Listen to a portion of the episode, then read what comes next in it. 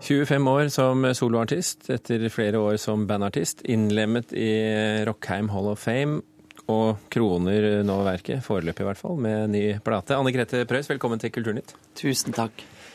Hvordan har du det? Jeg har det fint. Eh, jeg skal spille med bandet på Lindmo i kveld, og eh, ja, jeg gleder meg over en ny plate som har kommet i dag. Ja. Diverse Spellemannpriser, Edvardprisen, Prøysenprisen, Skjærasprisen. Vi kan bare nevne det. Og Rock'n'Roll Hall of Fame eh, nå i år, sammen med andre store navn. Blir dette litt vane etter hvert?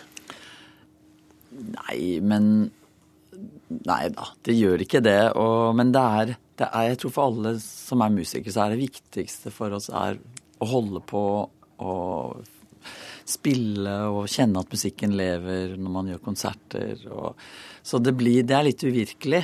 Og særlig den siste svingen med, med Rockheim Hall of Fame. Den, det er litt sånn jeg tenker at det er noe hele får prøve å leve opp til. Jeg synes det, det er en rar greie.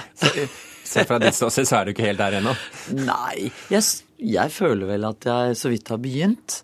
Uh, og det er jo sikkert en følelse fordi jeg har, føler at jeg har mye ugjort. Det er mye jeg har lyst til å sjekke ut ennå. Ja. Så, så da håper jeg jeg har masse foran meg også. Men til det, tilbake til dette med så vidt har begynt. Altså Du har jo nå 25 år som soloartist. 35 år som artist, hvis vi regner med Kankan og Veslefrikk og mm. alt det der. Det er i prinsippet og i praksis hele ditt voksne liv? Ja, det er det. Hvordan og det er jeg glad for, altså at jeg har vært musikant.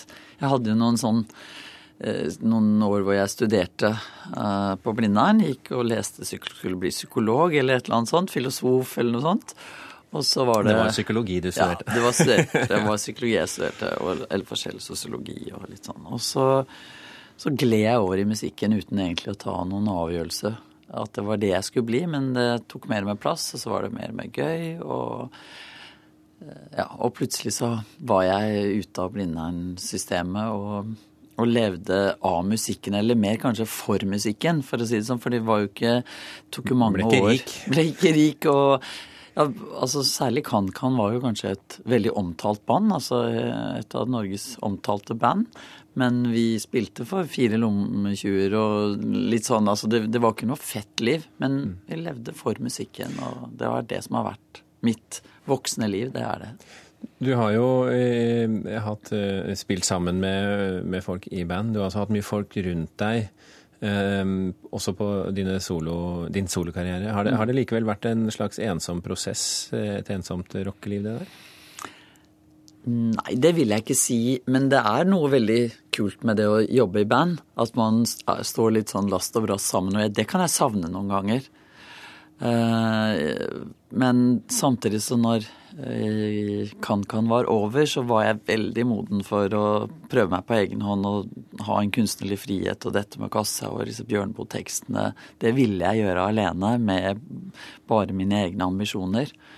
Så det har vært veldig fint. Men jeg tenker kanskje i forbindelse med også at jeg nå har jobba mye med gitarspillet, litt liksom tatt opp tråden fra der jeg var for, for en 20 år siden, så er det veldig stas å spille sammen igjen. Så kanskje jeg klarer å tromme sammen et band hvor jeg ikke er frontfigur, men er gitarist og en av låtskriverne, kanskje.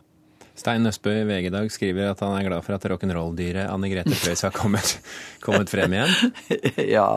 Jo. Hvorfor har rock'n'roll-dyret kommet frem igjen? Ja, det er jo veldig Det er litt sånn tabloid sagt, da, selv om jeg syns det er et kompliment. Jeg tar det som det. Jeg tror det var ment sånn. Ja, fordi det Jeg syns jo det er stiligere at jo eldre jeg blir, jo mer føss blir det på føsspedal. Um, det er noe Er det sånn for gitarister, tror du, eller er det bare deg? Nei, Nei, men Det er noe et eller annet fantastisk med elgitar, med de mulighetene som ligger fra å spille sånn delikate, vakre, lyse klanger til noe bråkete, fæle, uforutsigbare greier. Så å beherske det litt mer, det var noe som dukket opp for noen år siden. At jeg tenkte at nå kanskje jeg skal se litt hva jeg kan få ut av det. Har du øvd mye? Så nå har jeg øvd mye. Ja, jeg har spilt mye og hatt mye gitar i fanget de siste åra. Du er jo rent sånn tekstmessig eh, kjent, og til dels beryktet for din bruk av eh, metaforer. Kunne du funnet på å skrive noe liksom helt abstrakt og gåtefullt? Ja, altså kan-kan så gjorde jeg jo det. Der var det jo mange som kanskje syntes det var for mye tåke i, i skyggelandet med speil og innlagt horisont. Altså veldig sånn.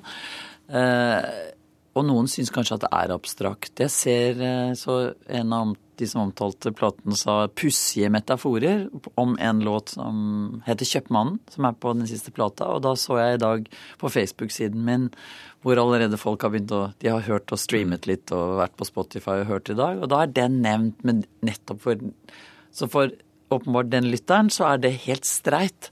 Det å se på visdommen som en kjøpmann som bare tar seg betalt i feiltrinn. Jeg syns jo det er en morsom måte å se ting på, men Folk er forskjellige, vet du. Folk er forskjellige. Og kanskje at den typen litt sånn speisa metaforer som jeg bruker, er mer vanlig i lyrikken. I den liksom, hva skal vi si, litterære tekster, da, poesien. Så Men jeg liker det at det Jeg spiller musikk som kommer nedenfra og fra gata osv., så videre, sånn, men jeg er glad i å Syns av og til verden åpner seg litt når det kommer noen morsomme bilder. Et av de bildene som kommer på plata, det er et sted å feste blikket. Mm. handler om kjærligheten, mm. som er en fin ting å handle om. Du har også gitt navnet til hele plata di. Mm. 25 år som artist. Anne Grete Preus, tusen hjertelig takk for at du kom til Kulturnytt. Veldig hyggelig å være her. Og det blir altså mer Anne Grete Preus, og hun spiller selv i Lindmo i, i kveld. Jeg har krøpet langs bakken